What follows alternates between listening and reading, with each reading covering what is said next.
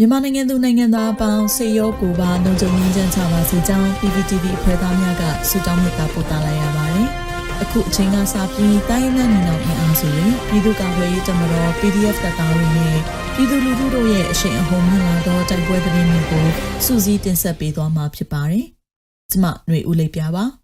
ပထမဦးစွာမန္တလေးတွင်နေထင်းရဲတအုပ်ပြစ်တက်ခံရပြီး6လုံးပြူတနဲ့တင်ဆက်ရမိတဲ့သတင်းတင်ဆက်ပါမယ်။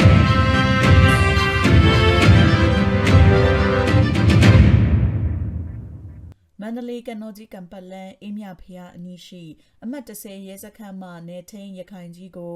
MDY PDF ဘိုနက်ခတ်ဦးဆောင်သောအဖွဲ့မှစက်တင်ဘာလ10ရက်နေ့ည9:30မိနစ်တွင်ပြစ်ခတ်တိုက်ခိုက်ခဲ့ပြီးပွဲချင်းပြီးတေဆုံသွားကြောင်းသိရပါသည်။တေဆုံသွားသောနေထိန်ရခိုင်ကြီးထံမှ6လုံးပြူတနက်တစ်လက်380 point ကြီး12တောင်အမျိုးသမီးရင်မောင်းလိုက်စဉ်စကားပြောဆက်တစ်လုံးဘေးလွယ်အိတ်တစ်လုံးရုံးစာ3ရွက်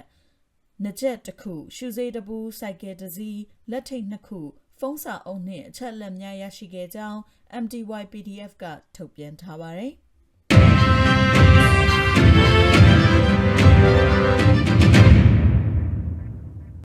ဆက်လက်ပြီးပလဲမြို့နယ်နေရတာတိုက်ပွဲအတွင်းစစ်ကောင်စီတပ်ဖက်မှထိခိုက်မှုများပြားနေတဲ့သတင်းတင်ဆက်ပါမယ်။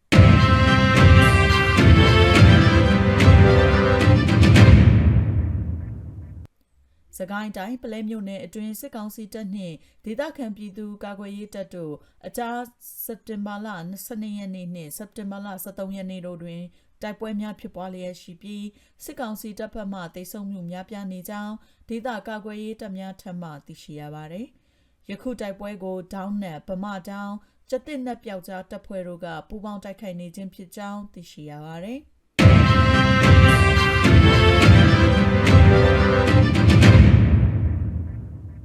စကိုင်းတိုင်းကောလင်းမြို့နယ်မှာတော့စက်တင်ဘာလ23ရက်နေ့ညမှာစစ်ကောင်စီတပ်များနှင့်ပြည်သူ့ကာကွယ်ရေးတပ်များအကြားဖြစ်ပွားသောတိုက်ပွဲတွင် PDF 3ဦးပခဖ9ဦးစုစုပေါင်း10ဦးတိုက်ပွဲကြကြောင်းပြည်သူ2ဦးဖမ်းဆီးတပ်ဖြတ်ခံရကြောင်းသိရှိရပါတယ်ရှင်။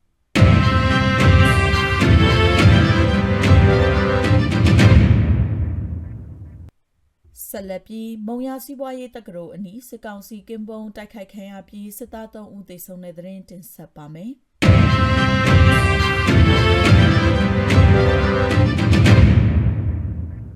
စကိုင်းတိုင်းမုံရွာမြို့စီးပွားရေးတက္ကသိုလ်ဇလုတ်အဝိုင်းအနီးတွင်ကင်းပုံဝင်နေသောစစ်ကောင်စီအဖွဲ့ကိုဒေသခံပျောက်ကြားတပ်ဖွဲ့များက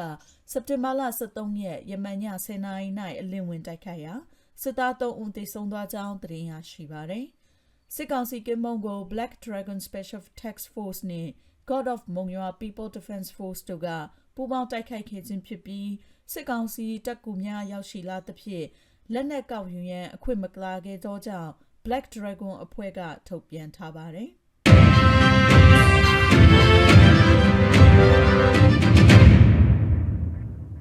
နောက်ဆုံးတင်ဆက်မှာကတော့အေယာဝတီမြစ်အတွင်းစစ်တပ်စီတရင်ရေရင်အုပ်စု drone ဖြင့်ဘုံတိချ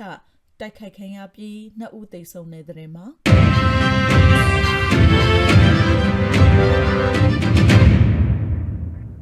အေယာဝတီမြစ်အတွင်းဖြတ်တန်းသွားလာနေသည့်အကြမ်းဖက်စစ်တပ်စီတင်ရေရင်အုပ်စုကို ဒေသခံကာကွယ်ရေးတပ်ဖွဲ့များကယနေ့စက်တင်ဘာလ14ရက်နေ့တွင် drone ဖြင့်ဘုံတိချတိုက်ခိုက်ခဲ့ပြီးစစ်သား2ဦးသေဆုံးခဲ့ကြောင်းမြောင်မြို့နယ် CDSOM အဖွဲ့ထံမှသိရှိရပါသည်။အကြမ်းဖက်စစ်တပ်စီတီရင်အုပ်စုသည်အေယာဝတီမြစ်အတွင်းမြင်းကြံမှမန္တလေးဘက်သို့လုံခြုံရေးအပြည့်ဖြင့်ထွက်ခွာလာစဉ်ကာကွယ်ရေးတပ်ဖွဲ့များကတိုက်ခိုက်ခဲ့ခြင်းဖြစ်ကြောင်းသိရရှိပါရရှင်။